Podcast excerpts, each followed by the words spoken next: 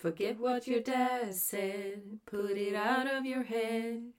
It's okay to cry and it's okay to vent. If you don't let it out, the monster will eat you instead. Yeah, the hurt that you're holding, let it out of your chest. When we're young, they say to keep it all inside, all inside. When the boys are blowing up, we wonder why. Yeah, we wonder, yeah, we wonder why. Boys with emotions, try not to show it. Leave it unspoken. We're all a little bit broken. Boys with emotions, try not to show it. Keeping it in, don't wanna admit. We're all boys with emotions. Boys with emotions.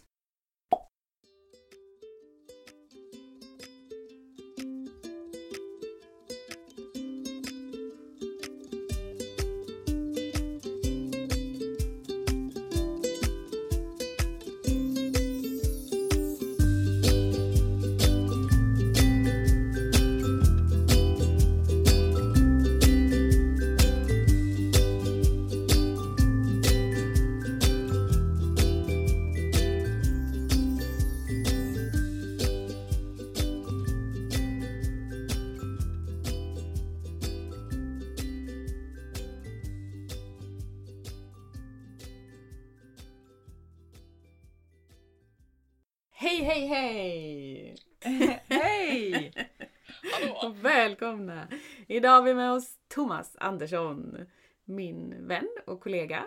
Och eh, du är också civilingenjör och författare och HSP-terapeut som jag. Yes, Varmt välkommen! tack så mycket. Tanken var ju att vi skulle komma till Göteborg och intervjuat dig, men eh, nu är det lite restriktioner och grejer så då fick det bli så här. Det här är ju egentligen första poddinspelningen vi gör digitalt Mm. eh, på det här sättet. Så att vi får väl hoppas att det, att det funkar och att det blir bra. Du och Jossan lärde ju känna varandra på HSB-terapeututbildningen. Yes, det stämmer bra. Det är väl Yes. börjat sticka iväg ett par år sedan nu. Ni var ju första kursomgången ju. Mm. Så att nu börjar det ju ändå ticka på. Nu börjar ju komma fler HSB-terapeuter ut i landet. Men ni var ju faktiskt eh, några av de första. Precis, vi var test, eh, försökskaninerna där som skulle liksom få första. Ja, Nej, men det var precis. jätte, jättekul utbildning. Väldigt intressant och lärorikt på många sätt. Ja, verkligen. Ja. Det får man ju säga. Vi vill ju höra jättemycket om hur du jobbar nu och hur ditt liv ser ut och sådär. Men vi tänkte att vi börjar lite från början. Mm. Men kan inte du berätta lite grann hur det var när du var liten? Och var HSP som liten kille? Tror jag, alltså, det tänkte nog inte jag på på det sättet. Det beror på hur man menar liksom. För det är ju, alltså insikterna kanske har kommit nu liksom. Mm.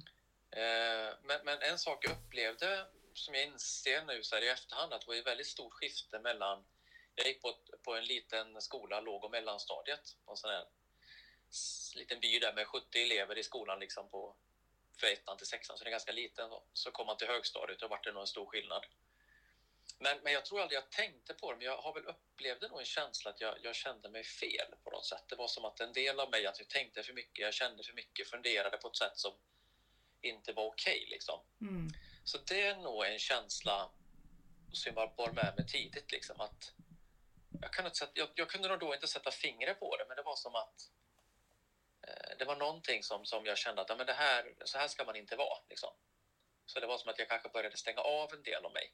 Nu förstår jag det på ett annat sätt, men, men då var det som att ja, men man kanske var rädd att bli skrattad åt eller förlora vänner eller ditten och datten. Då var det kanske mer att man, man tog sig vidare liksom, och anpassade sig och Mm. lärde sig hur man funkar i den här världen. Så det är så mycket annat som händer.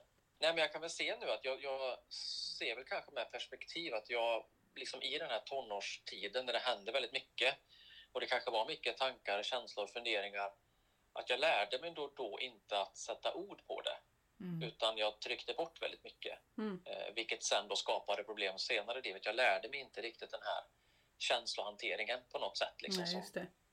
ja, på något sätt då. Mm. Hur var det i din familj när du växte upp? Pratade man någonting liksom om känslor och sånt där? Eller var det så här, sluta gråta nu? Eller hur var det? Nej, det var nog inga sådana hårda ord på det sättet, liksom, eh, sluta gråta till exempel, utan det var nog mer att man, det var liksom inte att man pratade om det på det sättet tror jag. Nej. Eh, alltså jag, både min pappa kommer från en jordbrukarfamilj. Pappa var ingenjör själv, men, men hans min farmor och farfar var ju på bönder och jordbrukare, liksom, jobbade i skogen. Och morfar han var, jobbade i gruvan, och, eh, eller ja, i alla fall i administrationen där. Liksom. Så att jag kom ifrån en bruksort liksom, och den miljön. Så att, ja, men jag tror snarare att det var som att man inte pratade om det, för att man, man hade det ändå bra. Man fick mat på bordet och det var glatt och man hade släkten och alltihopa. Så att, eh, Jag tänkte bara jag skulle läsa ett utdrag ur din bok. Mm. För du har ju skrivit Mm. en bok som heter Sårbar man, vägen till inre Ja. styrka. precis. Kanske världens bästa bok. Exakt! Eller hur? Det. Jag har ju till och med korrekturläst eller vad sjutton det heter innan den kom ut. Så att, ja. Nej, jag, jag, jag gillar den mycket. Ja. Ja, men då har du skrivit så här i alla fall att eh, jag minns många tillfällen under min uppväxt som jag nu ser i ett annat ljus. Fram till Mm. mellanstadiet och sexan var det lugnt och harmoniskt i skolan. Det var lek, vi hade kul och jag hade en bra känsla. Högstadiet var dock otroligt jobbigt. Min mamma har berättat att jag var känslig och att ett hårt ord kunde få mig att gråta. Jag var duktig i skolan, fick bra betyg och jag minns också hur rädd jag var för att få kritik från mina lärare. Tänk om jag inte kunde något eller inte hade gjort min läxa och fick frågan. Vad skulle jag säga då? Klart att jag var tvungen att göra läxan. Vad skulle hända om jag inte gjorde den? Då kanske de inte skulle tycka om mig längre. Jag skulle göra dem besvikna. Redan här kan man se att jag fastnar i prestationskrav och undermedvetet känner att det jag presterar och det jag gör är den jag är. Om jag då misslyckas med det jag gör så känns det som att jag är en misslyckad person. Mm. Var det mycket så eh, prestation när du växte upp? Att det handlade mycket om att du behövde liksom göra saker, vara duktig? Jag tror, alltså, det här det är så spännande frågor, liksom speciellt när man utvecklas själv som person också och får, jag har ju själv gått igenom en ganska intressant inre resa på sistone, men på något sätt så var det kanske där också att jag kände mig trygg också. Mm, Att där hittade jag min självbild på något sätt, att det var ju där jag, som jag klarade mig, liksom, att jag var duktig i skolan och, och löste de sakerna. mm, Så då var det väldigt viktigt att vara i den, i den eh, rollen. Liksom. För tänk om jag inte var duktig i skolan, vad skulle jag vara då? ja, det. Så nu ser jag att där hade ju på något sätt en trygghet då Mm, i att, att vara duktig i skolan och det, det följer sig ganska lätt för mig. Liksom. Jag har alltid haft lätt att, att läsa och plugga. mm, Men när man var i den tiden så kanske man inte tänkte på det utan alla är väl nervösa över ett prov, över att misslyckas. mm, Och visst, då kanske jag tänkte mer. Alltså jag, men precis, jag kommer ihåg att, alltså att, att vet, inte göra läxan liksom. Det vore ju fanns inte på konstigt för man visste ju om lärarna sagt till att man ska göra en läxa Mm. Mm, och komma till en lektion och inte ha gjort den. mm, Det är ju bara konstigt för jag visste ju om den. Mm. Varför skulle jag inte ha gjort den? Hur, vad ska man svara då? nej, precis. Jag det finns ju liksom, vad ska man säga? Att jag har inte gjort den, varför det? Mm. Jag ville inte. Det, det, så kan man ju inte svara. Liksom. Nej. Alltså, så den tror jag fanns med mig i kanske mitt liksom, av plikt och förståelse vad man borde göra och sådär. Då. Och så är det ju ofta med högkänsliga barn också, att de Ja. är väldigt plikttrogna, vill göra rätt för sig, liksom, göra sitt bästa. Mm. Eh, Men vi, det var ju likadant för oss Jossan. Mm. När vi gick i skolan, speciellt på högstadiet. Jag gick ju upp jättetidigt på morgnarna för att plugga liksom och, eh, och du plugg, alltså, la ju också ner mycket tid. Mm. Undrar om det är den här höga moraliska kompassen som man ofta har. Som högkänslig, att man vill göra rätt. Men där skriver ju du också i din bok att du ville nästan knappt göra ditt bästa. Alltså för att du, du fick höga betyg och så men det, det var inte Nej. riktigt den kulturen som var bland killar att man Mm, skulle vara mm. duktig i skolan. Så att du nästan snarare fick dra ner lite och kanske Mm. inte göra ditt allra bästa för att det var inte riktigt okej. liksom. Nej, nej, det var ju väldigt så. Mm. Alltså inte vara en plugghäst, det vet jag ju.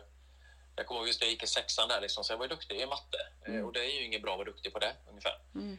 Eh, och så, men du kan ju inte läsa in sjuans mattebok eh, för att komma liksom, till sjuan och ändå vara ännu mer plugghäst på något Nej, sätt. just det. Nej. Och det är lite sjukt egentligen om man tänker, alltså är du duktig på idrott eller på musik eller vad det må vara, det liksom är okej då. Mm. Just att vara duktig på att studera Mm. var inte okej det- i den bruksmiljön jag var i då. Nej, precis. Men det var det inte för oss heller. Nej. Nej, men Det- framförallt det- lite under högstadietiden så är det väl Nej. ofta lite sådär att det, det är andra grejer som lockar och att det kanske inte anses lika coolt liksom, att vara duktig i Nej, skolan. Precis. Mm. Nej, så du vet, det var ju...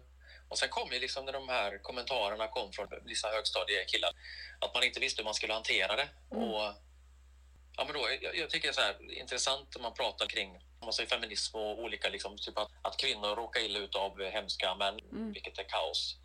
Men också om du då som man då har det tufft, eller kille, ska en man då man up då och bråka? Eller hur ska en, en, en, en mjuk kille hantera det? Mm. För då är du omanlig då om du inte slåss till exempel. Mm. Men då, om en kvinna råkar ut för en jobbig man, Mm. Ska kvinnan då slåss? Mm. Nej, då är det okej, för då är det mannen. Alltså det blir väldigt intressant Eller hur? hur man ska hantera då Mm. män och pojkar som kanske har en annan eh, utåtriktad personlighet. Hur ska du agera då? Mm. Och på något sätt är ja, men, att nästan finns ja, men, men, ja, men kille, du får, väl, du får väl stå upp för dig själv då. Ta en smäll, bråka. Mm. Jag var ju jätterädd för att få stryk. Mm. Jag har ju liksom inte bråkat på det sättet. Det var ju så, jag var ju rätt, jätterädd för att få... Jag kunde nästan inse liksom smärtan av att bli slagen, så Mm. då undviker jag ju det i största mån. Mm. Ja, Eller vad, vad det. innebär det då? Är det Mm. men en tjej som undviker bråk är ju... Ja, det, det blir så konstigt liksom. Det, Mm. det finns mycket sådana stereotyper där liksom kring Mm. olika saker. Hur reagerade du då när, när det var någon som kom och sa någon kommentar? Alltså det var ju lite olika. Ibland så bara försökte man ju skratta bort det eller bara gå därifrån. Eller ibland tror jag nästan tryckte ner mig själv. Liksom. Men jag försökte väl vifta bort på, Mm. på bästa sätt. Liksom. Men det, tog, det gjorde ju ont ändå på insidan, förstår man ju. Den rädslan liksom.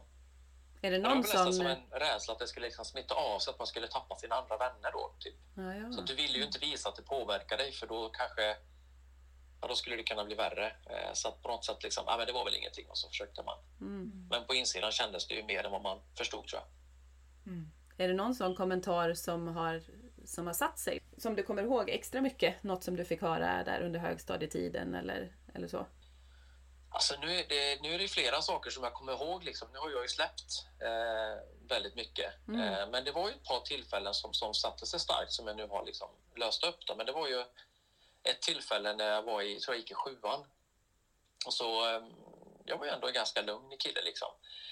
Och så kom man ner och så var det något biljardrum där och jag, något, det vart något, man står där så råkar man gå backa i någon och så råkar man putta till någon och så vart det lite, vi puttade lite grann på varandra, jag och någon kille där liksom. Det vart ju inget bråk men lite sådär. Mm.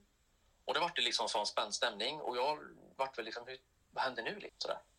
Och så vet jag att jag kom hem sen, så nästan hemma så kom en av mina grannar då som var ett eller två år äldre. Ja, ah, Thomas, jag hörde att du är en, en bråkig kille. Och det var ju inte alls det jag var. Eh, men då vart det som att, då, då, aha, vad, vad händer nu liksom? Så hela den inser jag ju nu efterhand att den vågar inte jag ju prata med någon om heller då för att vad ska jag säga nu då? Så den här händelsen tror jag liksom satte sig mycket hos mig för så, så vart jag ju då upptäckt då av de här killarna så att eh, han kan vi jäklas lite grann med. Fortsatte ju kommentarerna från de här. Och, och, men jag visste inte hur jag skulle hantera det. Jag hade liksom ingen att ventilera det med. Nej. För jag inser då att jag tog det inte med mina föräldrar. För vem ska jag då prata med? Det gick ju bra för mig. Eh, jag kanske inte kunde prata med mina manliga vänner då heller, eller killkompisar. Så jag liksom höll ju det för mig själv då. Mm. Och det kan jag ju se då att, att nu i efterhand så kan jag ju se vad konstigt att den där händelsen påverkar mig så mycket. Mm. Men den har ju följt mig väldigt länge för att jag inte har bearbetat den då. Att jag var ju Mm, rädd egentligen. Mm. Men sen då med alla andra känslor som var omkring så visste jag inte hur jag skulle hantera det. Att det blev nästan som någon, någon stämpel kanske på dig eller så Ja. som inte stämde. Precis. Som Precis du som kände att det var inte du liksom. Ändå, ja, jättekonstigt vart det. Mm. Men var du rädd då också att du skulle dra till dig mer eh, bråk liksom för att du hade fått den stämpeln på dig då kanske? Ja, men kanske något sånt. Som att man var lite rädd att det skulle bli mer. liksom. Man undvek situationer och eh, på något sätt har väl den händelsen sen följt mig att men hoppas inte någon kommer på mig nu. Mm. Mm. Att nu kanske blir upptäckt och blir förföljd. Mm, Ungefär som den, den att, man, att det skulle förfölja ändå om det är någon händelse eller man gör något. Mm, Egentligen inte dumt då, men att någonting händer. Då. Mm. Hur gick det det på gymnasiet sen då? När du kom upp dit? Hur var det där? Med gymnasiet, då hade vi ett jäkligt gott gäng. Eh, Så jag hängde liksom med. Så vi var, då var det liksom mer blandat. Då hamnade man ju med dem man ville. Alltså då valde man ju, jag gick natur. Så då hamnade man ju med, med liknande klass, liksom, med, med liknande personligheter. Liksom. Så då var det roligt. Mm. Men jag tror också, jag tror också hade, man lärde sig väl lite grann under högstadiet. Men okej, vilken mur, eller vad ska jag ha för skydd för att klara mig? Mm. Så jag kan väl säga att man kanske valde... Alltså jag ser ju att jag... Det funkar jättebra liksom på något sätt. Men jag ser ju nu i efterhand. Det är, allting jag pratar om det fattar ju inte jag då. Liksom. Nej. Men då ser jag att, att jag kanske valde vissa vänner och jag trivdes jättebra med dem. Men också var jag rädd att visa en del av mig för att tänka om de kommer på vem jag verkligen är. Det var lite barriär upp ändå. Ja, men det var ju Inte det. Och just riktigt. hela här... eh, jag har ju liksom alltid varit social. Jag har liksom vet, spelat handboll, jag har spelat i studentorkester och kvartett. Och jag har ju liksom hållit på med massa saker. Men för mig har ju liksom de här nära relationerna varit mitt. Eh, liksom med, med att träffa en, en tjej då. Och liksom hela den grejen har ju varit min... För det är då jag varit rädd att då kommer de se vilken jag verkligen är. Mm. Och då är jag ju konstig. Alltså, menar du de här mjukare sidorna då eller? Mm. Ja, just det. Sårbarheten. Alltså på något sätt har jag känt att... Ja, men jag har känt att jag är tråkig liksom. Mhm. Att eh, jag tror den sidan av mig att jag kanske är då fundersam. Att, att jag tänker på fel sätt. Jag är, ja, men, ju- ja, men just kanske det med känsligheten, att jag funderar och känner på ett sätt som är fel. Liksom. Så då, du vet, om jag skulle komma i relation med någon, då skulle de se att oj, han är ju inte tuff hela tiden. Han tar inte tag i de här sakerna, utan han har den här sidan också och behöver tid att fundera och tänka och är inte rolig och skratta och gör de här sakerna hela tiden. Så jag tror den, det är den jag tror jag har fastnat i. Att, att som när jag varit bland folk så har jag liksom hållit uppe. Eller inte hållit uppe, jag har ju haft roligt. Eh, men det är just den här att, ja, men tänk om de ser den andra sidan av mig, att det inte alltid är så. Mm, Den har jag varit rädd för att eh, visa Mm. på något sätt. För att den sidan kändes omanlig på något vis då eller? En, enligt stereotypen om man säger så då. Ja, kanske omanlig, men också att det var det liksom, ja men så här ska man inte vara, liksom, att det är något fel, att jag är för känslig, att jag tänker för mycket, Mm. grubblar, ältar eh, och det. Så att det har varit liksom, ah, okej, ja, det är något fel på mig liksom.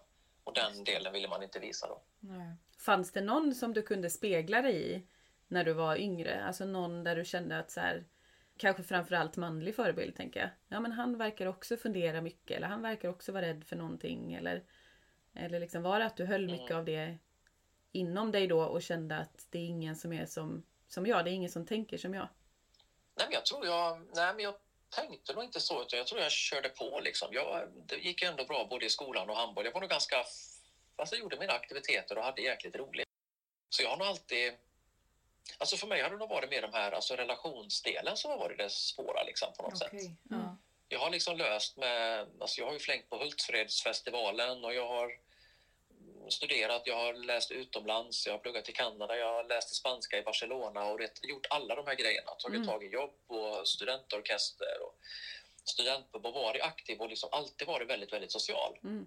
Men för mig har det varit just, alltså just relationer då. När det flickvän. kommer nära så. Eh, liksom den delen som har varit, eh, varit min, min, mitt aver liksom på något sätt tror jag. Mm. ja. Så du har alltid varit mer extrovert som ändå gillat det här sociala och laddat dina batterier genom att vara med andra människor eller? Jag har nog gjort både och. Jag har trivts att göra saker. Jag, jag, jag Mm. tycker utmaningar är roliga. Mm. Både de här liksom externa, liksom interna, liksom, så tycker jag ju det. Ungefär som när jag skulle plugga i Kanada. Okej, kanske ska man ta ett normalt utbytesår som universitetet har liksom, samarbete med något universitet? Mm. Nej, men då kände jag ju lite folk i Kanada som läste på ett universitet. Undrar hur man löser det? Ja, okej, men jag tar kontakt direkt med universitetet. Det här var innan liksom, internettiden nästan. Men, nej, det var, nu låter jag jättegammal. Det var det inte. Det men- var på stenåldern. Eh, alltså, men då tar jag ju tag i det och Mm. löser den grejen. Så jag skapar ju saker. Och jag vet även typ under liksom, gymnasietiden så var jag ju sån här, jag var ju sån indie-pop-kille. Jag hade liksom värsta långa polisongerna, Jaså? hade såna här tajta tröjor och riktigt sån här Blur Oasis-kille liksom. Mm. Så den yttre har jag liksom kunnat lösa. Mm. Jag har ju anpassat mig på något sätt liksom. Mm. Det har gör vi ju ofta. var, men- Vi som är högkänsliga är ofta rätt bra på att anpassa oss som kameleonter. Mm. Ja, Efter precis. vilka vi umgås man med. löste och det det liksom på något Mm. sätt. Så jag tror det mer kom senare, du vet, när, folk börjar komma in i relationer där liksom typ Ja, men liksom studenttiden tror jag också funkar ganska bra för då är man ute och träffar mycket folk. Och, men sen Mm. när man lämnar studenttiden, jaha, relationer. Varför blir inte jag sambo då? Varför träffar inte jag någon? Ja, men det är nog fel på alla andra. Eller liksom man träffar inte rätt. Ja, men det känns inte rätt. Eh, så där, det var ju då jag tror man började liksom börja se det. Var du stressad liksom- att, att eh, folk runt omkring dig blev par och bildade familjer och så? Att, det, Mm. att det, det kändes som att det tog längre tid för dig liksom att landa? Mm. Nej, men det tror jag var, det var nog då man började liksom, ja, varför, varför hamnar inte jag i en relation? Vad är det för fel på mig? Mm. Och det var väl just att jag hade den där barriären uppe och vågade inte vara mig då. Nej, just det. just det. Och då, ja, det var det mer alkohol, man var ute och festade och liksom träffade någon på krogen och då vågar man ta kontakt. Mm. Men sen så kanske, nej men jag vågar inte höra av mig sen för de tycker nog, då kom tillbaks den att men jag är ju konstig. Eh, så jag var ju i kortare relationer liksom, men det var väl först när jag var typ 29 någonting kanske som jag kom i första längre relationen. Mm. Men vi var inte sambos, men vi var tillsammans i två år då. Då kanske jag ändå kände att det var skönt att vara i en relation, men jag tror också jag kände att det var inte helt rätt. Nej, just det. Så att det var någonstans där som det skavde för mig på något sätt. Och hur upplevde liksom- du det sen då? När du, för sen träffade ju du faktiskt en tjej som hade barn sedan tidigare. Mm. Och ni gifte er och grejer. Hur Mm. upplevde du det att komma in som från att ändå kanske inte haft så många längre förhållanden innan och sen helt plötsligt bli en, en familjefar. Hur var den Mm. övergången? Ja, men det var, det var någonting som hände där för tio år sedan ungefär när jag började liksom göra en sån, en, en sån första vändning. Det var som att jag träffade en, en god vän till mig, Daniel, då, som, som pratade just om att eh, alltså, våga lyssna på den här känslan. För det var som att jag kände på mig saker, Mm. men gick emot den. Mhm. Och han sa, men du ska börja lyssna på den känslan. Och då började jag läsa vissa böcker kring detta. Jaha, ska man liksom lyssna lite mer på sin intuition och sådana grejer? Och då började liksom, jaha, det, var som att jag började öppna för nya idéer och tankar av att liksom kasta sig iväg i olika saker och mer eh, jobba med självinsikt och sådär. För jag gick mycket kurser på Volvo också med ledarskapskurser och så. Så jag hade börjat liksom lite mer få perspektiv till mig själv. Just det här med självinsikten då. Så då i det vart det ju att, att det kanske inte känns, det kanske känns jobbigt men att det ändå känns rätt att lyssna på intuitionen. Att, att gå åt ett håll även om det kan vara utmanande. Mm. Så då liksom var, först var det så att i, början av den relationen så var vi lite grann i den utvecklande resan. Så vi var ju vänner först och vi delade väldigt mycket kring personliga saker och att vi började liksom tänka mycket på nytt. Och sen så vart det en relation då. Och då kom ju tankarna, shit, liksom, ska jag ge mig in i det här liksom? Men då gick jag just på känslan att det kändes väldigt rätt. Mm. Även om jag tyckte det var skitjobbigt. Hur ska det bli att vara liksom extra pappa? Allt det här liksom. Borde, borde jag inte träffa någon som inte har barn då? Men då kände jag bara, nej men jag ska gå åt det här hållet. Jag vet inte vad det är. Så det var väl någonstans jag började lyssna på min intuition. Mm. Vilket förut har jag viftat bort den och mer gjort det som ska vara rätt då. Just det. Men som det egentligen har första. känts tyngre i dig så har du gått emot den känslan. Ja, precis. Mm. Jag har ju liksom känt av den flera gånger innan men då har jag inte... Ja men det är ju den här fel sidan av mig, eller man ska säga. Men Mm. Det ska man inte lyssna på liksom. Just det. Okej. Så det var egentligen då när du började lyssna på din intuition eller vad man ska säga. Som det lossnade det här med relationsdelen. Mm. Mm. Ordentligt. Ja. Just det.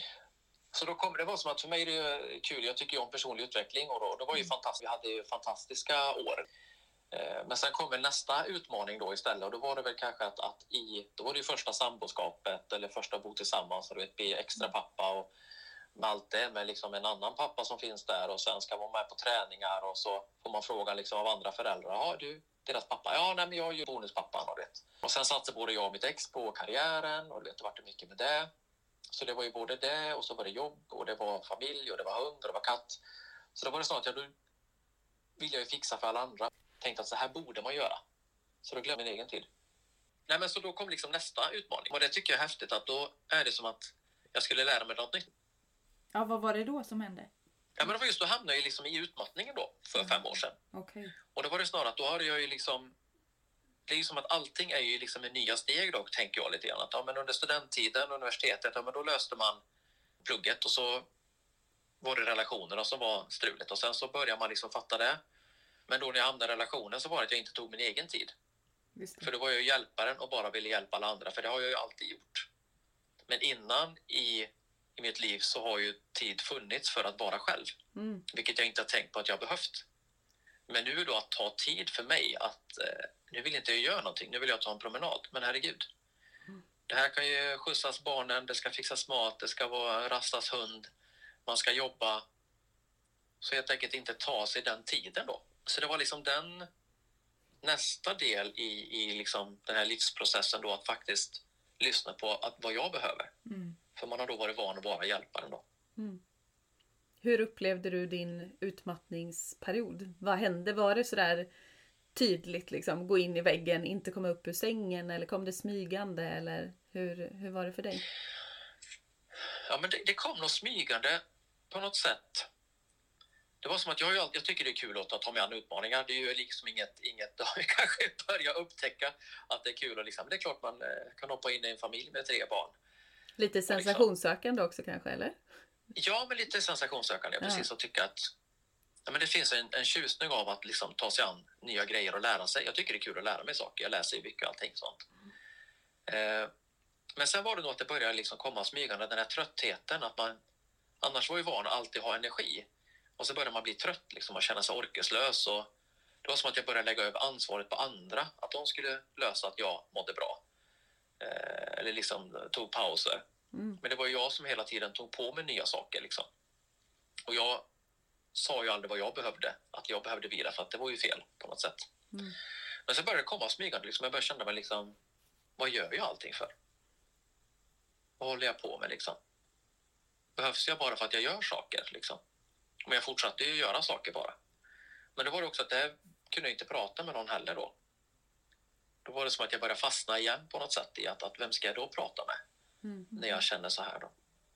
För du kände inte att du kunde prata med ditt ex då liksom? Eller alltså din sambo? Nej, men då var det att vi började liksom kanske, b- båda vi satsade väl på karriären just då och det var ju mycket att göra så att vi liksom, jag tror hon också liksom i den, det var ju min, mitt, mitt perspektiv, men jag tror hon också var liksom lite utmattad och jobbade väldigt mycket. Så då fanns inte den tiden liksom att, att prata. Så då tror jag liksom upptäckte att ah, där finns det inte plats att prata just nu, så då slutar vi prata om vissa saker. Liksom. Mm. Okej. Eh, Så vi tappade nog lite den kontakten vi hade, eh, för att vi båda hade för mycket. På något sätt liksom. Drog du dig undan från alla sociala grejer och eh, liksom orkestern och allt vad du gjorde då när du var i den här utmattningsperioden? Eller körde du på som vanligt? Eller? Nej, men det var som att jag kom till en situation där jag kände att ja, men liksom, jag började känna den här hopplösheten. Liksom. Ska man ens vara kvar på jorden? Liksom? Ska, man, ska man ta sitt liv eller sådär? Mm. Och för att jag visste att jag inte skulle göra den, men jag började känna att de här tankarna kom liksom, så tänkte jag, men vad fan, så här ska det väl inte vara? Mm. Och då var det, för något sätt har jag liksom känt det här med att, att jag inte är okej som jag är. Liksom. Det är den här grundgrejen, att det är någonting som är fel med mig, har alltid funnits där. Liksom. Och då var det en sommar, det var 2015, Ja, 2015. Då liksom var jag iväg på ett, ett läger då med den här eh, musiken då, så jag spelade lite jazz och sånt. Och då var det ett spanskt lärarpar då, som, som jag pratade med. Eh, och de umgicks med, de kom fram till mig och liksom, vad kul att prata med dig och vi hängde hela den veckan. Och då var jag just den där fasen att varför vill man hänga med mig lite grann så. Och då var jag ju bara mig. Och då säger hon, eh, den här spanska tjejen då, ja men i slutet när vi ska dra därifrån. Thomas, you're a good person. Och jag bara, det var så väldigt starkt då liksom, för att det var ju, kände jag att jag räcker ju inte till någonstans. Jag vet ju i efterhand att jag har ju räckt till så det bara skriker om det, men det var ju kär, känslan av att, att inte räcka till. Just det. Vem Det är du spelar när du roll. inte presterar? Nej, men det var ju lite grann att det var ju Mm. liksom att jag kunde ju göra mer på jobbet. Jag levererade ju jättebra på jobbet och jag fixade och donade jättemycket hemma. Mm. Men det var som att det inte räckte till liksom. Och då var det som att jag började stanna upp lite grann. Och så var en annan vän som hjälpte liksom att, att du måste börja stanna upp. Mm. Och det var nog mitt första steg av att börja bara skapa utrymme. Och det är nog det första steget som jag tror kan vara en sån här utmattning, att man vet inte vad man ska göra, men att stanna upp. Så jag började träna tre gånger i veckan. Jag började, började säga nej till saker på jobbet, att inte ta på mig mer, utan skapa det här utrymmet för mig själv för att bara få stanna upp. Och bara det var ett sånt eh, viktigt första steg. Ja, men jag började träna mer, började äta bättre. Det kunde man ju praktiskt göra. Och sen så började jag liksom få hjälp då. Och gick jag i sån här högkänslighetsterapi i var det, typ februari 2016 där, första gången. Då med vår gemensamma vän Ina där som gick kurs för nu då, som Mm. sa till mig en gång då, men du Thomas, du kanske är högkänslig. Och då fick man liksom börja öppna. Just det. För du hade inte... Hade du hört det begreppet tidigare eller du hade bara inte applicerat det på dig själv? Det här, men det här var nog 2015 liksom, så då var nog första gången jag hörde det. Mm. Eh, då hade jag ju träffat Ina innan, innan, innan jag kände varandra sen danstiden och vi har det. dansat mycket tillsammans. Mm. Så hon har ju liksom hjälpt mig med olika grejer innan vi har pratat en del så att vi har ju liksom varit på den här resan innan. Mm. När hon nämnde detta så var det jätteintressant och det har ju satt verkligen ord på. Det var som att jaha, jag är inte konstig. Mm. Och det var ju så jäkla skönt bara jaha, du vet börja sätta ord på saker och ting liksom. Mm. Men du hade Helt inte svårt att, att ta in det, att du kanske var högkänslig? Det var inte att det blev ett motstånd mot det för att det var fel på något vis också då? Att vara man och högkänslig? Jo, jo, men har det varit. Alltså, ordet i sig har ju varit laddat eh, direkt, liksom. det vet jag ju. det vet jag, typ när, man, jag vet när jag skulle åka ner på den första terapin så kunde jag inte säga att jag skulle åka på högkänslighetsterapi, utan det var ju för det i sig var ju konstigt. Liksom. Att Mm. gå i terapi som man eller i karriären eller vad det må vara liksom, känns ju väldigt fel. Man ska ju lösa allting. Så jag sa att jag skulle åka på någon yogagrej i Malmö. Men sen högkänsligheten har ju varit sånt också lite laddat att prata om för det, det är liksom laddat ord. Mm. Och jag kommer ihåg när jag skulle börja läsa till terapeut för högkänsliga så vet jag att eh, jag berättade för mina kvinnliga vänner liksom, att jag skulle läsa det, då, men inte mina manliga, manliga för jag tänkte att de kommer säkert tycka att det är konstigt. Mm. Men efter första helgen som vi körde den här kursen så träffade jag mina grabbpolare på en sån grabbhelg och då berättade jag det. Och de bara, ah men Thomas, det passar ju dig perfekt. Jag tror min fru är högkänslig och min dotter liksom var Mm. lite ratten. Då var det helt jättekonstigt. Det var ju bara i mitt huvud. Just det. Men det ligger liksom på något sätt en laddning kring ordet i sig, liksom, om man är eller inte är. Mm. Och jag känner nog mer nu att det är ju en hjälp att skapa en förståelse. Det är inte viktigt att säga att jag är högkänslig, för att det är, jag är ju den jag är. Mm. Men högkänsligheten hjälper mig att förstå det jag känner och tänker och gör mig att känna mig mindre ensam. Mm. Så jag tycker liksom inte riktigt om definitioner eller sätta den stämpeln, för det blir som vara eller inte vara. Det kan liksom bli en begränsning i sig. Mm. Det handlar ju mer om att ja, men lära oss att förstå oss själva och lita på det som är på insidan. Just ordet känslig har ju haft en ganska negativ klang liksom för många. Att det har varit fel att vara känslig. Det är nästan sådär så att man har använt det som ett skällsord tycker jag. Att Precis. men gud vad känslig du är och sluta vara så känslig och sådär. Mm. Och jag tror att det är därför också som ordet högkänslighet är så laddat för många. Mm. För känslig, nej det ska man inte vara liksom. Precis. Mm. Eh, och det kan ju det kan ju även vi känna som är tjejer. Eh, så jag kan förstå att det har varit ännu mer om man är kille. För då har det ju ännu mer varit nästan förbjudet att vara Mm. känslig eller fel. Liksom så. Men jag gillar ju bättre egentligen det här ordet högmedveten. Mm. Eh, för att man är, man är väldigt mycket mer medveten om vad som händer både utanför en och i en. Och påverkas mer av det. Än vad många andra gör. Liksom. Men Mm. eh, ja, så på sätt och vis är det synd att det heter just högkänslighet kanske. Mm. Eller så är det bra för att man ska ta bort den stämpeln av att det är något negativt. Jag Ja, vet inte men det är väldigt laddat. eh, Ja, Ja, det är intressant. Där, för jag tänker mycket kring... Alltså på något sätt just idag, det som händer nu med, med corona och all oro som är, att vi är väldigt dåliga, vi är väldigt ovana och otränade i att förstå våra inre, alltså den här känslan som kommer. mm. Och vi, vi, vi har ju inte lärt oss det. Det är därför det ska, vad jag tror i alla fall skapar mycket problem idag. För att vi, vi liksom bara får de här, man kallar det för marktäckare ibland, att man bara blir arg eller bara blir ett offer av att det är så jobbigt just nu. För att man inte har lärt sig att hantera det som händer på insidan. Nej. Och då kanske man kan bli överkänslig då, att man inte liksom bara är orolig till exempel. För det, det är kanske den bilden som finns av känslighet. Mm. Men egentligen handlar ju, om man backar tillbaka, så handlar det om en, om, om en medvetenhet som du säger. Mm. Och att faktiskt förstå de olika reaktionerna. Och då snarare förstå att det handlar om att man känner av en situation, man vill anpassa, vill man vara en del av gruppen, är man risk för att förlora någonting, är det relationer som händer? Allting handlar om en förståelse kring till syvende och sist någon typ av biologisk överlevnad. Så att om man backar i allt sånt så blir det mer viktigt att förstå det som egentligen händer, att då sätta ord på det. Mm. Jag vet ett ganska kul exempel för för mig. Jag kommer ihåg när jag skulle till exempel börja skriva den här boken då, som jag satsade på. Mm. Och då var jag i den sitsen att, eh, nu vet jag inte varför jag berättar detta, men vi, jag är väl ganska öppen. Ja, men kör. Det är det som kallas sårbarhet kanske. Exakt. Nej, men till exempel, jag, jag har kört eget företag ett stund då. och sen då i, vet jag, när jag började satsa på boken och gick den här terapeututbildningen så vet jag i januari då så hade jag precis blivit klart med ett uppdrag på Volvo. Och så skulle jag liksom satsa på den här boken och, och terapeututbildningen.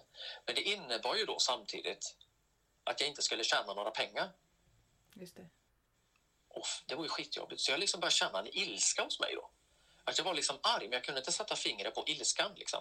Så jag vet, okej, men då vet jag att jag måste möta känslan för att se vad som ligger bakom. Mm. För att då är jag ju arg av någonting, men arg, det är ju någonting, vad är jag arg? Arg kan ju inte bara vara, det är ju någonting som ligger bakom. Så jag vet att jag stod ut och sprang här i, i Slottsskogen i Göteborg och så var det inga i närheten, så jag tittade lite omkring mig så, så bara vad fan, så skrek jag liksom bara, så man får få ut den här känslan, liksom, man får känna känslan, för Mm. den måste passera. Och så då fick jag liksom, ja men bra, då fick jag släppa ut den, för det tar ju bara en liten stund att, att tillåta känslan. Mm. Men det är luren när vi har det kvar, saker och ting, det är då vi fastnar i det. Så då vart jag arg och släppte ut den, men då försvann ju ilskan. Och då kom nästa känsla av, ungefär som du vet, man försöker slingra sig, men nej, låt mig vara, jag vill inte göra det här, det känns jättejobbigt. Mm. Okej, då fick jag möta den känslan, liksom låta den känslan passera. Och då kom nästa del av att jag är skiträdd av att tappa kontrollen. Mm, just det. Jag vet inte vad som kommer hända nu när jag satsar på detta. Jaha, okej, det är därför jag varit arg. Det var därför jag ville komma därifrån, för det här, är- jag, jag är rädd att tappa kontrollen. Mm. Men då förstod jag det. Aha, okej, det är det jag är rädd för. Mm. Okej, men det kan jag inte hantera. Och då liksom har jag liksom på något sätt gått igenom de här nivåerna. Men om jag hade stannat i att vara arg hela tiden, eller liksom inte mött den ilskan, så hade jag ju varit fast. Mm. Så genom att jag jobbar i min känslohantering så fastnar jag ju inte i de här reaktionerna som egentligen är ett skydd. liksom. Eller hur? Mm. Så då var det snarare, okej, nu går jag in, då insåg jag att okej, nu går jag in i en jobbig fas med att satsa på bok och terapeut. Mm. Okej, vad behöver jag då? Ja, då måste jag hitta utrymme för att, att möta den här rädslan ibland. Så då vet jag att okej, nu behöver jag lägga in mer promenader, jag måste skapa tid för mig för att hantera den här jobbiga känslan. Mm. Det är samma sak om du kanske går in i ett nytt jobb eller en ny relation eller någonting så är det ju något nytt som händer. Mm. Och då kanske jag då behöver förbereda mig på att ha space för mig då i det här för att det kommer skapa olika känslor och reaktioner. Just det. Så det är det som jag tycker är det viktiga. Då kanske jag tänker mer på sådana här saker än vad andra gör. Mm. Om jag nu ska vara högkänslig. Men att det, det är ju det det handlar om. Att förstå sin historia. Varför man kanske har stängt av saker. Men också förstå att de här reaktionerna är ju naturliga.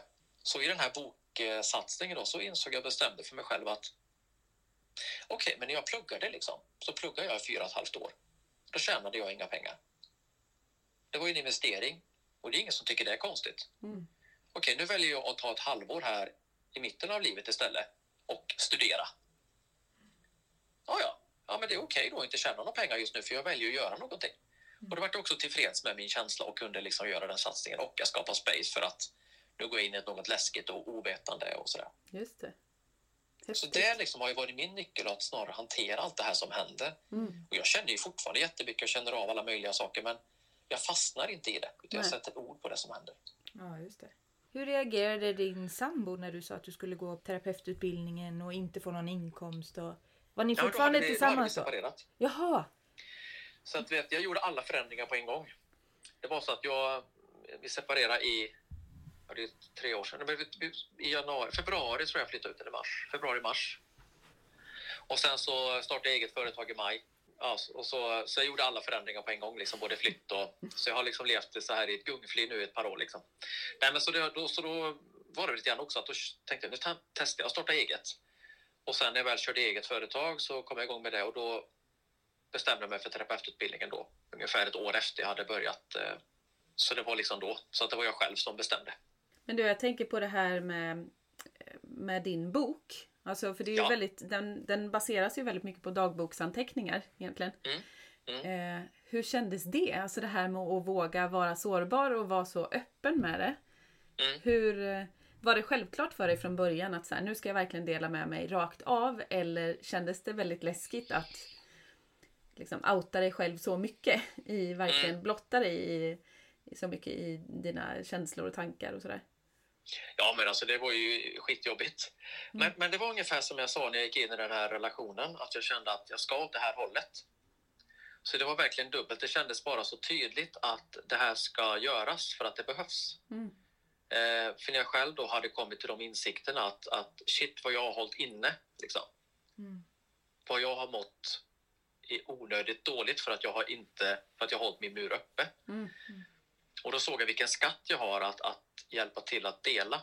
Verkligen. För jag kände ju då att, att det är just när man hör andra berätta som att det är lättare att liksom själv dela. Liksom. Mm. Och då tänkte jag, shit, jag har ju faktiskt en skatt då i att ja, man kan följa mig i min dagbok, i mina ord kring hur jag mådde. Mm. Mm. För många liksom, man, själv har ju läst väldigt mycket självhjälpsböcker och allt möjligt. Och då blir det väldigt ofta att man, man, eh, man säger till, så här kan man göra. Mm. Men det är ju resan i sig som är det utmanande. Att, att, att bara ta första steget att börja säga nej på jobbet eller att börja träna Mm. var ju jobbet bara i sig. Liksom. Och då kände jag vad skönt att man kan, tänkte att då kan man få följa någon då. Ja, verkligen. Och sen, så det var bara tydligt, så jag skrev väldigt snabbt egentligen när jag väl kom igång. Det var ju mycket om och men, ska jag verkligen göra detta? Ska jag ta den här platsen i världen liksom? Mm. Men då kände jag att jag gör detta. Och sen var det väldigt bra att jag hade terapeututbildningen samtidigt, för jag hade ju terapeut on call. Det var ju en av de väldigt bra sakerna under vår terapeututbildning, att man bara så här, är det någon som har tid att prata? Ja. Så vill alla terapeuter träna på att vara terapeut. Man hade ju alltid stöd under Ja, den här skrivtiden. Liksom. Det var ju perfekt. Ja. Eh, nej, men sen var ju det läskigaste var ju sen också att börja gå ut med det här sen. Liksom. Mm. För du har ju gjort det jag har varit mest rädd för i hela mitt liv. Det är Mm. att verkligen dela hur jag innerst inne har känt och tänkt. Mm. Så det har ju varit skitläskigt. Liksom. Mm. Och du var ju med på eh, Malou efter tio och Ja, just det. Mm. i olika tidningsartiklar och allt möjligt. Så att du har ju verkligen fått liksom utmana den Ja. där rädslan. Mm. Men hur var det att vara med i och liksom intervjuas i TV och hela den grejen? Hur kändes det? Det var ju väldigt roligt. Det, ja, kändes väldigt kul. Det Ja. kändes väldigt... eh, Ja, men det kändes som att... Vad ska man säga? Att, att det, det, kändes, det känns viktigt på något sätt. Det är väl Mm. det som jag skulle säga är liksom varför... Varför gör jag det här? Jo, därför att det känns viktigt. Mm. Mm. Därför att vi behöver bryta den här normen. Liksom. Vi Mm. måste börja prata om saker. Så att på något sätt, då är jag i det stora hela oviktig. Mm. Så det är liksom mina känslor och, och det vet jag att det går över. Liksom. Mm. Och det är utmanande men, men det, är, de- det liksom blir något större på något Mm. sätt. Om våra barn ska få liksom, prata mer öppet då måste någon bryta normen. Ja. Då kan man inte gå och hålla mun hela livet. Liksom. Nej men precis. Men det är ju väldigt modigt. Alltså från, Ja, att, ha, från att ha varit väldigt rädd för att eh, liksom visa hela sig själv och öppna upp och vara sårbar till att till och med göra det i TV. Mm. Och i ett Ja. antal poddar och eh, sådär. Och skriva en bok. Det är ju verkligen motsatsen.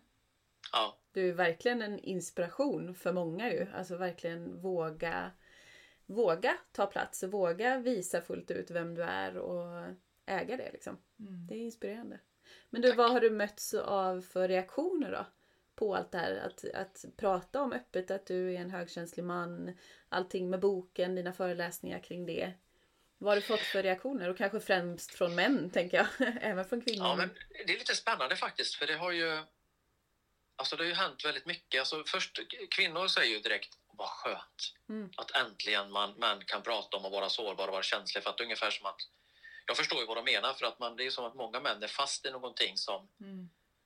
För att man har liksom ungefär som man, man har inte lärt sig att, att, han- hantera det.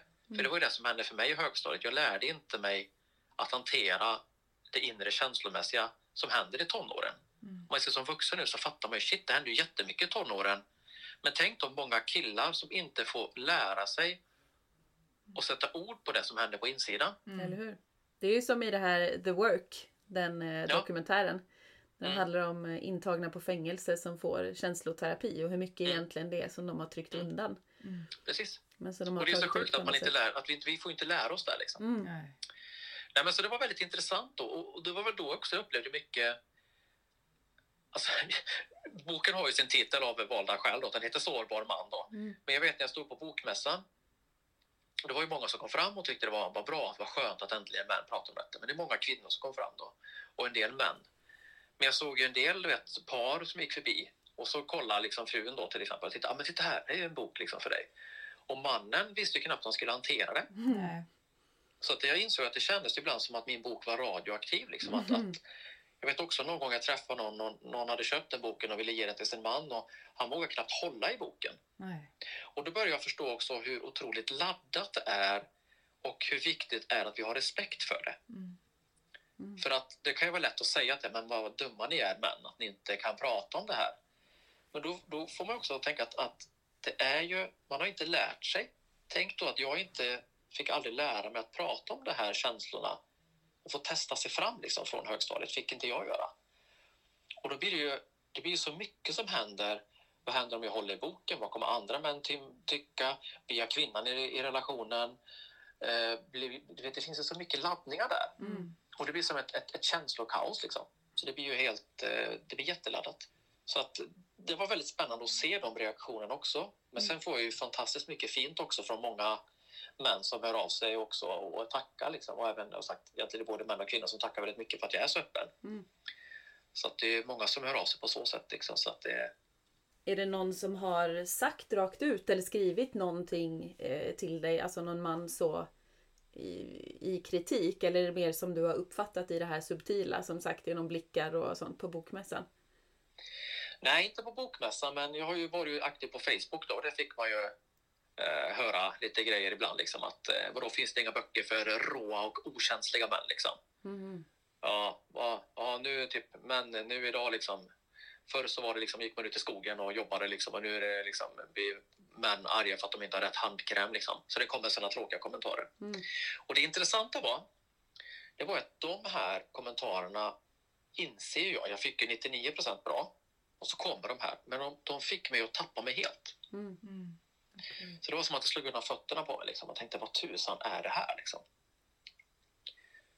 För jag inser att den här, en kommentar från någon jag inte alls känner på Facebook liksom. Det, det, det, det är ju inte, det är inte, den reaktionen jag får stämmer ju inte överens liksom. Det har varit så mycket, mycket starkare. Eh, Vad hände i dig då när du läste en sån grej? Vad... Ja, men då, då kom jag tillbaka. Fan, nu har de kommit på mig. Nu kommer allting förstöras. Nu är det kört. Den här känslan av att nu är det kaos, nu är det kört allting. Så jag minns då, det här var ju i våras, jag fick lite sådana kommentarer. tänkte jag, ja, men jag ska ta bort de här kommentarerna från min... Alltså nu har jag ändå, jag har släppt boken, jag har spelat in den som ljudbok själv, vilket jag aldrig gjort innan. Jag har liksom fått upp den på Bokus, jag har fått upp den på liksom Storytel, alla de här grejerna har jag skapat. Men samtidigt så kommer de här jäkla kommentarerna och gör mig, tappa mig helt. Mm. Så jag tänker att jag ska ta bort de här kommentarerna. Och det är egentligen, egentligen inte i det stora hela som är helt oviktiga egentligen, men de, de väckte väldigt mycket starkt mig. Så jag kommer ihåg att jag ska ta bort dem och så jag skakar på handen. Bara liksom, jag ska klicka bort den här kommentaren liksom.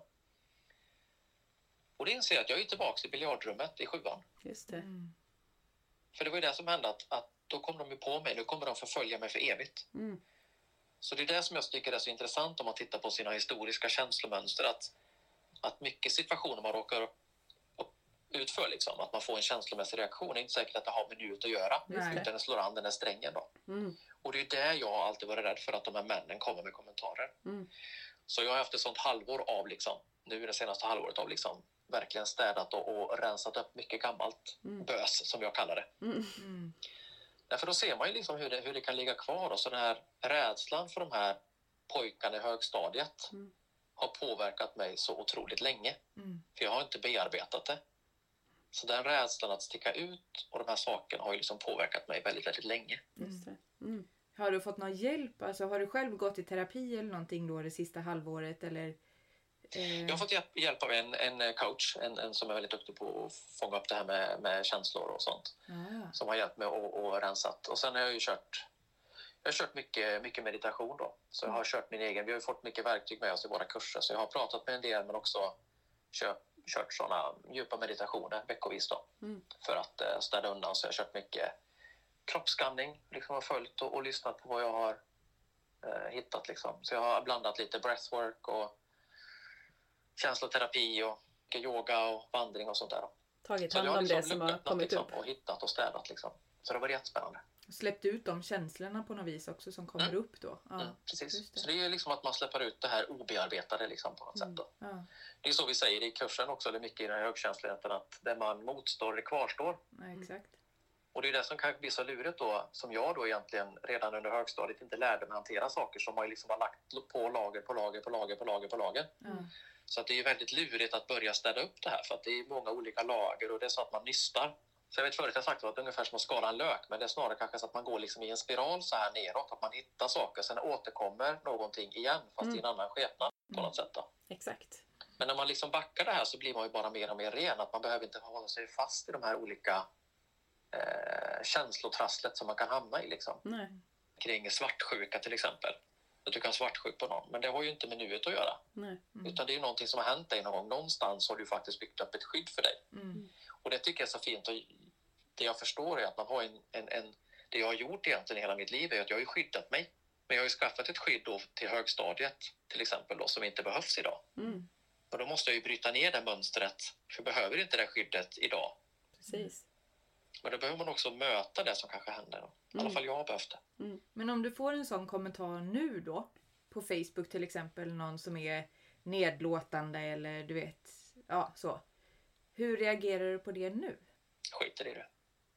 Ja, just Jag det. bryr mig inte. Nej, men det är som att men nu, nu är liksom, varför, ska jag bry mig om den liksom? Nej, Det är som det. att det, det har inte med mig att göra längre. Nej. Men förut var jag rädd att det skulle förstöra. Det var känslan när de la in en kommentar var att oj, nu kommer allt raseras. Nu kommer de komma på vem jag är. Nu kommer allting med boken, allting jag har skapat, allting kommer försvinna. Mm. Så det var ju väldigt, den här lilla kommentaren växte ju liksom, det var ju som ett enormt stort kaos av det. Men nu när jag ser att det är ju bara en kommentar från någon jag inte känner som troligtvis har sina egna problem. Exakt. Men det behöver inte jag hantera. Det handlar det inte om dig det. egentligen. Det handlar inte om mig, men det, det är väldigt lätt att säga nu. Men, men det har ju väckt väldigt mycket starkt i mig länge. Mm. Den här rädslan då att stå upp för de här sakerna. För att förstå vad det handlar om egentligen. För det är ju ett riktigt trassel då, att, att reda ut. Då.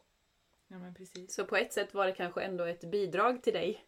Eh, att, att du fick läsa det där också. För att du behövde också då städa ut gammalt och släppa taget om sånt som du inte Absolut. behövde längre. Mm. Och kunna Absolut. liksom, eh, ja, känna dig lättare i själen efter det. Absolut. Nej, det, har, alltså det har nog varit ett av de tuffaste halvåren jag någonsin har varit med om. Men det har varit väldigt, väldigt... Eh, nu känns det väldigt, väldigt bra. Liksom. Mm, För nu får ju allting få ett helt annat perspektiv. Liksom, och det blir ännu tydligare liksom, på något sätt. Mm. Hur vi kan fastna i oss själva. Ja, det är spännande när man kan vända på saker.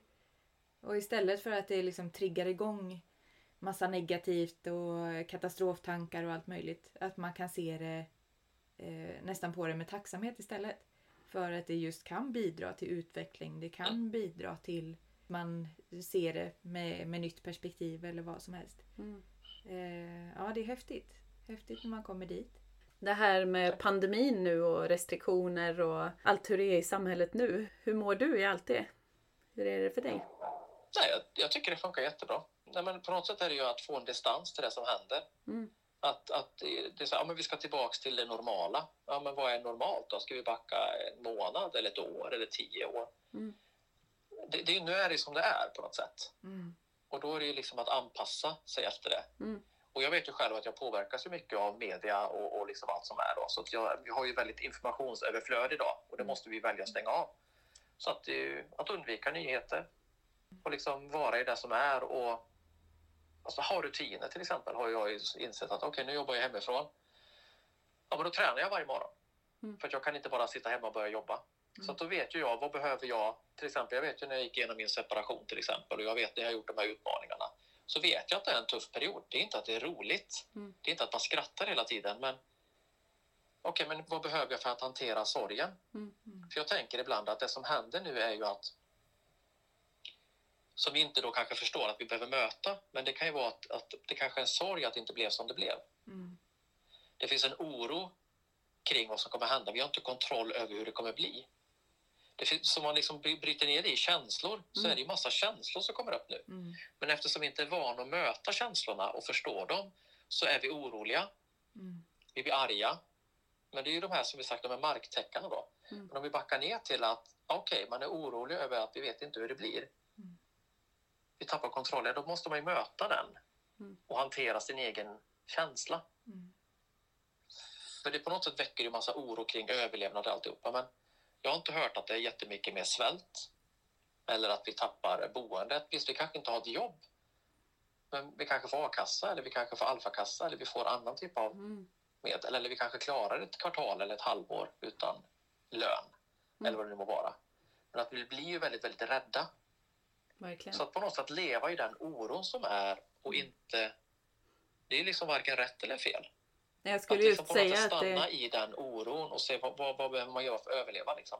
Ja men precis. sätt. Och det låter ju som att du också är mer i det här konstaterande och inte så värderande. Det är som Nej. det är och då får jag göra vad jag kan av situationen liksom. Ja, Men det hjälper inte att- Som kommer, liksom, Ja, men sätt. precis. Att man möter det som Mm. händer på insidan. Liksom. Mm. Att, att, att ha de här rutinerna. För det, jag vet ju typ när man gick ur utmattningen till exempel. Så var det ju, ja men vad var A och O? Ja men det var ju träning och, och, och rörelse. Mm. Och liksom, att man inte dövar utan känner det som man behöver känna. Mm. Finnas där för varandra liksom, på något sätt och, och, och prata om. Så vad innebär den närmsta tiden här nu för dig jobbmässigt? Har du fått stor förändring nu i... För du har ju ändå varit runt och föreläst en del och sådär. Hur, hur påverkar eh, det här med covid dig du, nu i ditt arbete? Har det blivit mer hemarbete eller liksom, hur gör Ja, nej, men det, för mig blev det just alltså, det varit en praktisk förändring då, för jag hade ju mycket planerade föreläsningar där i våras, men allting ställdes in då. Mm. Så då fick jag liksom rikta om mitt bolag lite grann så att jag kör mer konsulting nu med, jag jobbar mycket med digitalisering och projektledning och sånt där. du? Mm. Så då hade jag turen att gå in i några projekt där, så jag jobbar i det. Ja, okej. Mm. Men är det mer eh, som civilekonom igen då? Ingenjör. Inge- ja, Ingenjör. förlåt. Eh, civilingenjör. Mm, Eh, precis. Ja, just det. Så då jobbar jag mycket hemma. Så jag fick liksom anpassa mig lite grann och sen har jag väl insett att nu blir det inte så mycket föreläsningar på sikt. Mm. Eh, jag håller, ja, så jag håller på att översätta min bok till engelska. Eh, så att jag liksom tänkte, men vad, vad får jag göra nu då? Mm. Jag kan ju inte bara vara arg för att jag inte får föreläsa, för det går ju inte nu. Mm. Och sen kan det vara som att, ibland kan det vara en sån här känsla, upplever jag också, att man att man vill ha ett svar. Ja, men när är corona över? Ja, men Mm. jag kollar nu på morgon, kollar man nyheterna. Är det över nu? Nej, det är det inte. Mm. Är vi lunch då? Är det över nu? Nej, det är det inte. Ja, Men jag kollar i eftermiddag. Är det över nu då? Nej, fan också. Kvällsnyheterna då? Nej, det är inte över nu. Nej, kolla imorgon bitti. Då är man ju fast i någon loop och så tänker man att corona ska gå över sådär. Mm. Att då fastnar man ju liksom istället för att det kommer ju inte gå över direkt. Det här kommer att ta tid. Mm. För då kan, man, liksom- då kan man ju stänga av nyheterna för så mycket händer inte. För det skapar ju då massa oro av att, att man ska ha koll eller vad kommer hända. Mm. Kan man distansera sig där och inse att ja, det blir inga föreläsningar nu. Mm. Jag kan inte heller gå ut och försöka få svar från alla, massa människor. Jag kan inte kräva svar från företag för de vet ju inte heller. Nej. Så det blir liksom, då måste man hantera att okej, jag får inga svar utav andra. Mm. Okej, hur känns det att inte få svar? Så hela tiden backa tillbaks till sig själv. Vad är det egentligen som händer? Vad kan jag få just nu? Mm. Och det tror jag liksom är det som jag tror blir jobbigt också nu. Att man behöver möta sig själv och faktiskt hantera... Det är en av de jobbigaste känslorna faktiskt, att möta sig själv. Mm. För du kanske får möta den här killen som liksom fick bråka i biljardhallen. Liksom. Mm. Eller att man inte vågar ta det samtalet eller liksom Mm. saker man har flytt ifrån. Liksom. Mm. Så jag tror det blir lite dubbelt. Om man nu är högkänslig man och lyssnar på det här och eh, skulle vilja liksom, ha terapi med någon annan man. Har, tar du fortfarande emot terapisamtal och jobbar med den delen också eller är det bara civilingenjörsdelen nu? Nej, men till viss del så tar jag emot, eh, det är inte jättemånga, men, men om man är intresserad så är man varmt välkommen och Mm. hör av sig. Jag har flera manliga klienter som har hört av sig nu under hösten så att det, Mm. det går jättebra. Ja, Vi skickar ju en del till dig också. Ja, jo, jag vet det.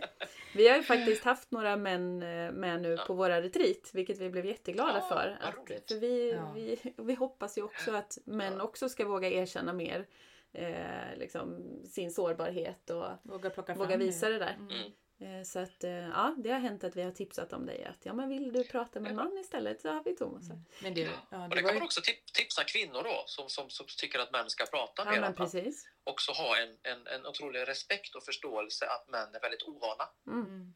Mm. Att det kan vara så i alla fall, att man inte har fått lära sig. Det är väldigt, väldigt läskigt. Mm. Så att man också skapar en, en, eh, ett space för det Ja men verkligen. på något sätt. Mm. Att man ger nästan som att man lär sig cykla på nytt. Liksom.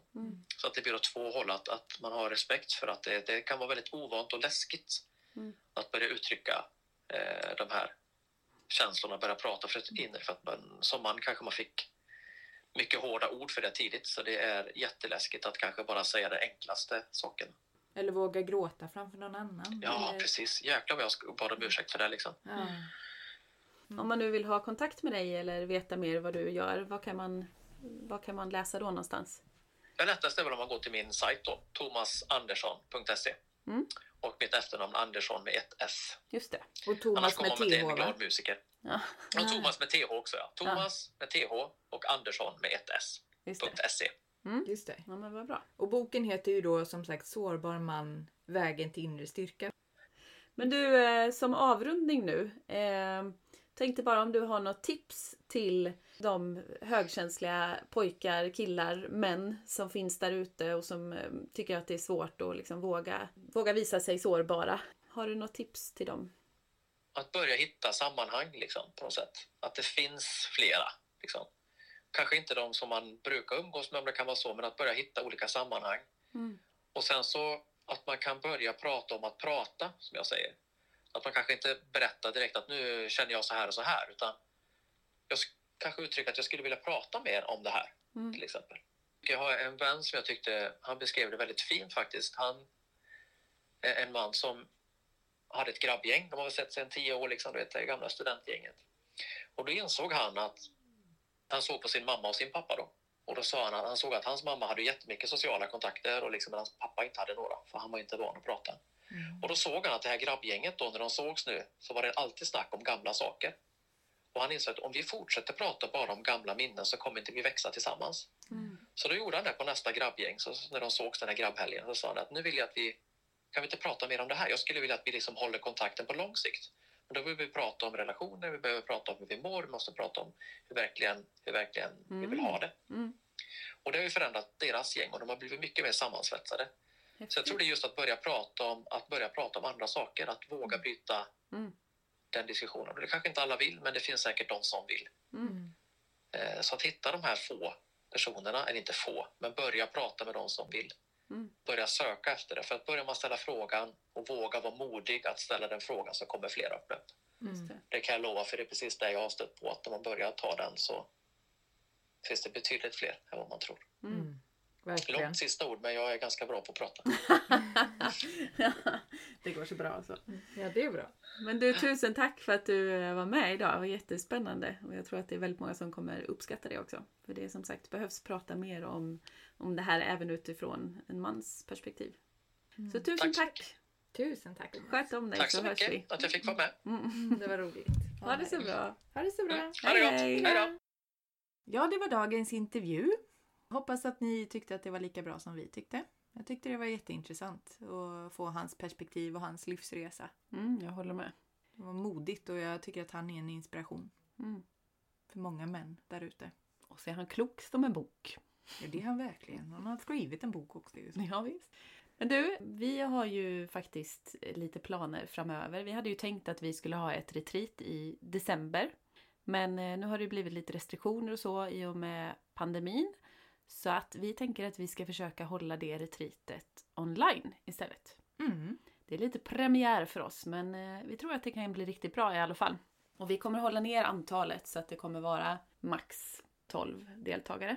Och tanken är ju att det ska bli ungefär samma upplägg som vi haft på vanliga retreaten. Men då online istället. Så det kommer fortfarande vara en blandning av eh, gemensamma reflektioner, teori, avslappning, mindfulnessövningar, Gemenskap. och det kommer ligga samma datum som eh, vi hade gått ut med från början att det här retreatet skulle vara. Och det är alltså den 4 till 6 december. Skillnaden nu då, förutom att det är online och inte på plats på Säbyholms gård, är också att det kommer vara lite billigare pris nu. Men eh, man kan läsa mer om det här sen på våra hemsidor. Mm. Antingen på tankaromhogkänslighet.se Eller hållbarhälsahalmstad.se. och sen finns vi ju som sagt på Instagram och Facebook också. Tankar om högkänslighet eller hållbar hälsa, stresshantering. Yes, men eh, då ses och hörs vi framöver. Mm. Så får ni ha det så bra så länge. Ja, ta hand om er. Hej hej! Hej hej!